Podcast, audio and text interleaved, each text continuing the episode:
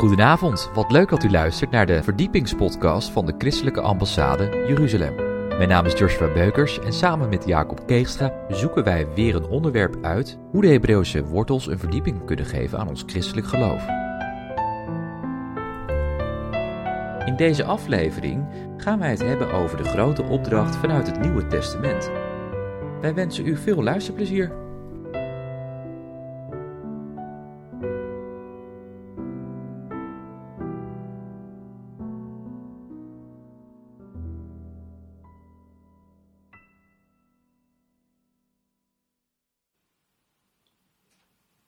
Welke grote opdracht heeft Jezus jou gegeven?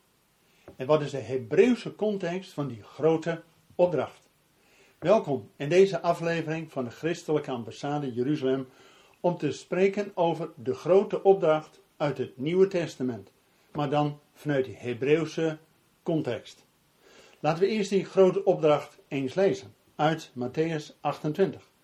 En dat begint met dat Jezus kwam naar zijn discipelen toe, sprak met hen en hij zei: Mij is gegeven alle macht in hemel en op aarde. Dat is het begin. Dus aan Jezus is alle macht gegeven in hemel en op aarde. Mensen, vanuit die autoriteit gaat die grote opdracht beginnen. Maar dat geeft ook rust voor ons. Omdat wij niet hoeven te vechten, maar Jezus heeft alle macht. En dat eindigt, die grote opdracht, met: Zie, ik ben. Ik ben, natuurlijk de verwijzing naar ik ben die ik ben. Ik ben is met u. Al de dagen. Tot aan de voleinding van de wereld. Als we die grote opdracht willen bekijken, is het altijd vanuit Hebreeuws perspectief van belang dat we het begin en het eind, het kader, in de gaten houden. En dat heeft dus alles met Jezus te maken, die alle macht heeft in hemel en de aarde. En dat hij niet alleen maar in de hemel is op afstand, maar dat hij ook bij ons is, met ons is en tot aan de voleinding van deze wereld. Mensen, die grote opdracht die we zo gaan bekijken, heeft deze context. En dat geeft gewoon rust en hoop, omdat de autoriteit bij onze Heer ligt. En als we dan nu gaan focussen op die grote opdracht, het centrum ervan, ook nog steeds Matthäus 28, daar staat wat Jezus tegen zijn discipelen zegt. Dus tegen zijn Joodse discipelen. Zegt hij, ga dan heen. Dat is de opdracht. En wat moeten ze dan doen? Onderwijst de volken, hen dopend in de naam van de Vader, de Zoon en de Heilige Geest, en hun lerend alles wat ik u geboden heb in acht te nemen. Met andere woorden, die grote opdracht bestaat uit, ja, de opdracht ga heen, en dat zei Jezus tegen zijn Joodse discipelen. En dan is die opdracht drievoudig, onderwijs de volkeren, doopt hen en gebied te onderhouden. Leert hen te onderhouden wat Jezus geboden heeft. Maar laten we eerst eens gaan kijken naar het eerste punt. Dat de discipelen, de Joodse discipelen, moesten de volkeren ja, naartoe gaan en hen onderwijzen. Nou, dat is natuurlijk direct de vraag, wat moeten zij onderwijzen?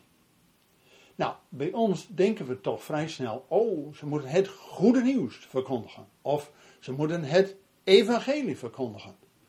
Amen. Maar wat wordt nu precies bedoeld met dat evangelie? Laten we eens gaan kijken naar Galaten 3, vers 6. Waar heel uitdrukkelijk staat, zoals Abraham God geloofde.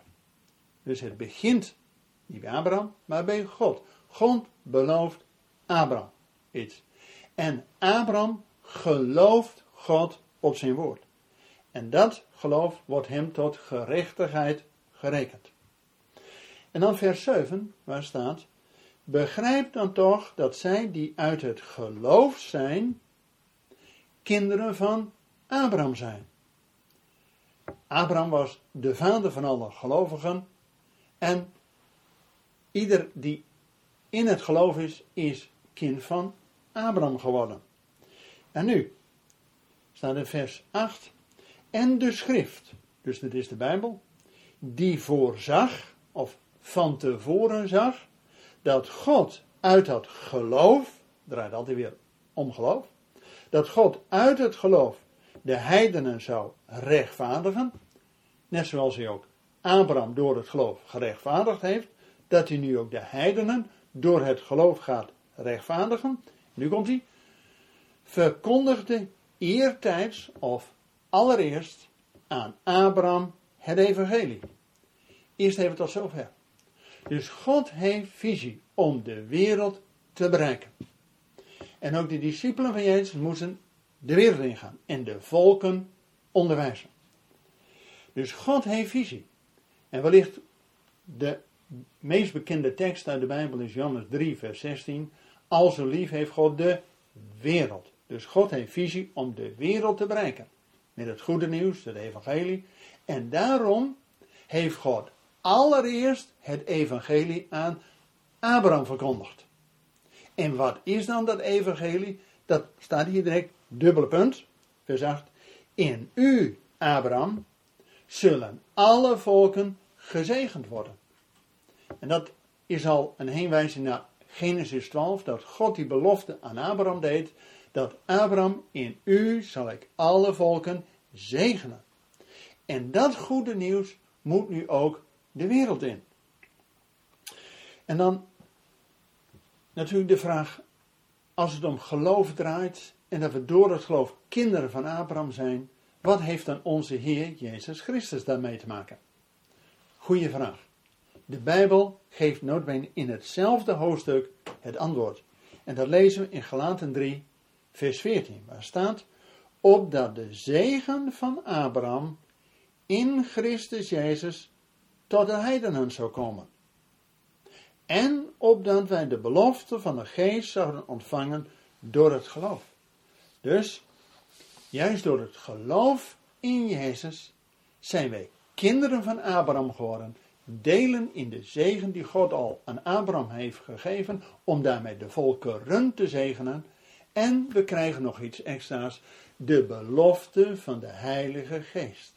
En dan wordt het dus ook wat makkelijker om als discipelen van Jezus de wereld in te gaan, want de Heilige Geest gaat voor hen uit. Die overtuigt de mensen. En die leidt de discipelen in de volle waarheid.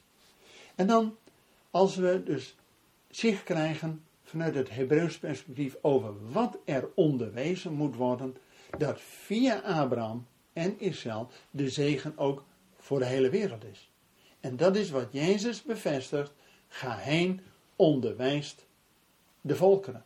En dan is het evangelie dat we door Abraham gezegend worden. En dan het tweede punt van die grote opdracht is dat de discipelen heen moeten gaan, de volken moet onderwijzen en dan vervolgens hen dopen in de naam van de Vader, de Zoon en de Heilige Geest. Dus het dopen in, dus het volledig incorporeren, dat ze in de Vader, Zoon en de Geest zijn. En met Hebreeuws perspectief is niet alleen de Vader, Zoon en Heilige Geest in de hemel, maar God maakt zichzelf bekend als de God van Abraham, de God van Isaac en de God van Jacob. En we hadden al gezien dat Abraham de vader is van alle gelovigen. Dus Abraham is ook een vadertype. En Isaac is de zoon van Abraham, die geofferd zou worden, maar in plaats van hem, die ram. En eeuwen later is die andere zoon van Abraham, Jezus, die wel het voor ons volbracht. Het offer. En dan die derde persoon, Abraham, Isaac en Jacob. Jacob maakt de transformatie mee van Jacob naar Israël onder leiding van Gods geest. Dus als we gedoopt worden in de naam van de Vader, de Zoon en de Heilige Geest, is dat ook een inenting in die God van Abraham, Isaac en Jacob als een beeld van Vader, Zoon en Geest. Daarom, als gelovigen uit de heidenen, zijn we geënt op die edele olijf met de wortel is Abraham. Want door het geloof in Jezus zijn we geënt en zijn we kinderen van Abraham. En dan, misschien nog wel de belangrijkste van het grote uh, opdracht, is als derde dat Jezus zegt: niet alleen dopen, maar leert hen ook onderhouden al wat ik u geboden heb. Dus leert hen onderhouden. Dus je blijft onderwijzen. En niet zomaar, het gaat erom dat er discipelen worden gemaakt. Want alleen een boodschap horen en dopen, ja, is niet voldoende. Er moet ook onderwezen blijven worden, zodat je tot discipelen wordt gemaakt. En dan weer in het evangelie meedoet om dat ook weer aan anderen die betrouwbaar zijn, het evangelie door te geven. En juist ook dat discipelen maken, daar hebben wij in de kerkelijke traditie misschien nog te weinig oog voor gehad. En juist nu, door alle crisissen heen, discipelen maken is onderdeel van de grote opdracht. Dus ook Jezus, nadat hij alles volbracht had, dood en opstanding, bleef hij nog veertig dagen onderwijs geven aan zijn discipelen over het koninkrijk van God. En daarna zond hij de discipelen uit onder de kracht en de vervulling met de Heilige Geest. Dus, als we dan ook zien dat het leert hen onderhouden al wat ik u geboden heb. Nou, wat is dan ook vanuit Hebreeuws perspectief, wat heeft Jezus dan ook geboden? En de Bijbel vertelt dat. Want als aan Jezus gevraagd wordt, Rabbi, wat is het grote gebod? Dan zegt Jezus een antwoord in drie fout. Jezus, en dat lezen wij in Marcus hoofdstuk 12, waar staat, en Jezus antwoordde hem, het eerste van alle geboden is, hoor Israël, de Heer is onze God, de Heer is één. Dat is ook de beleidenis van Israël, ook wel bekend als het Shema. Shema Israël, Adonai Eloheinu, Adonai Echad. Hoor Israël, de Heer onze God, de Heer is één. En omdat God één is, wil hij ook dat wij als volgelingen van Hem één zijn. In wat we geloven, in wat we denken, in wat we zeggen en wat we doen. Dan zijn we een enkelvoudige getuige van onze Heer. Dus wat Jezus aanhaalt in het grote gebod is allereerst de beleidenis van Israël. En dan zegt Jezus, en u zult de Heer, uw God, liefhebben. Met heel uw hart, met heel uw ziel, met heel uw verstand en met heel uw kracht. Dit is het eerste gebod. En daarin zien we vanuit Hebreeuws perspectief dat we geloven dat Jezus het levende woord is, een levende Torah, dat hij ook terugverwijst naar de Torah. En in de samenvatting van de Torah, Deuteronomie 6 staat, hoor Israël, heb uw God lief met alles wat in je is. Dus dat is ook wat Jezus als eerste dan gebiedt. En dan direct daaraan vast, die kun je niet loszien. Daar staat, en het tweede hieraan gelijk is, is dit. U zult uw naaste lief hebben als uzelf. En er is geen groter gebod dan deze. Dus we zien in die grote opdracht, als Jezus zegt, leert de volken onderhouden al wat ik u geboden heb, dan is wat Jezus terugverwijst naar de Torah. En het begint met het Shema Israël. Hoor Israël, de Heer is onze God, de Heer is één. En heb God lief boven alles en je naaste als jezelf. Dat is de samenvatting van de Torah en ook precies het centrum van de Torah. Heb je naaste lief als jezelf, want ik ben de Heer. En als we dit nu ook praktisch maken, want die grote opdracht met de insteek van gaat heen, onderwijs de volken dat evangelie, doopt hen en leert hen onderhouden wat ik u geboden heb.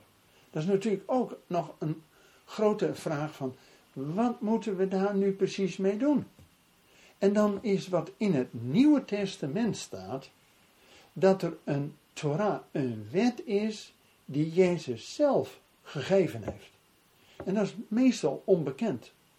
Maar in uh, Galaten 6, vers 2 staat: De Torah van Christus, dus de wet van Christus, de Torah van Christus is: draagt elkanders lasten en zo vervult u de wet van Christus. Galaten 6, vers 2. Dus als we de grote opdracht nog even weer mogen samenvatten, dan is het begin en het eind dat Jezus alle macht heeft en dat hij met ons is tot aan het einde der tijd. Dat geeft rust, hoop en vertrouwen dat we in de autoriteit van onze Heer mogen gaan. En dan zegt hij allereerst tegen zijn Joodse discipelen. Want die kenden de Torah. Die waren al kinderen van Abraham om tot zegen voor de wereld te zijn. Dus hij zendt hun na de vervulling in die belofte van de Heilige Geest, zendt hij hen de wereld in. En dan moeten zij het evangelie verkondigen dat wij door het geloof kinderen van Abraham zijn, delen in de belofte en de zegen van Abraham, die ook voor alle volken is. En dat we dan die inwijding hebben om in het koninkrijk mee te doen, dat we gedoopt zijn in de naam van de Vader, Zoon en Heilige Geest. Als een beeld ook van Abraham, Isaac en Jacob, dat we daar helemaal mee verbonden zijn, dat we door het geloof geënt zijn op die edele olijf. En dat we dan ook leert hen onderhouden al wat ik u geboden heb. En dat gebod, bestaande uit dat, ja, die beleidenis, eigenlijk een proclamatie dat God onze God is en dat Hij één is. En dat we Hem lief hebben met alles wat in ons is en onze naaste als jezelf. En dat we dat niet alleen met woorden doen, maar die Torah van Jezus samengevat is. Draagt elkanders lasten en zo zult gij de wet van Christus vervullen.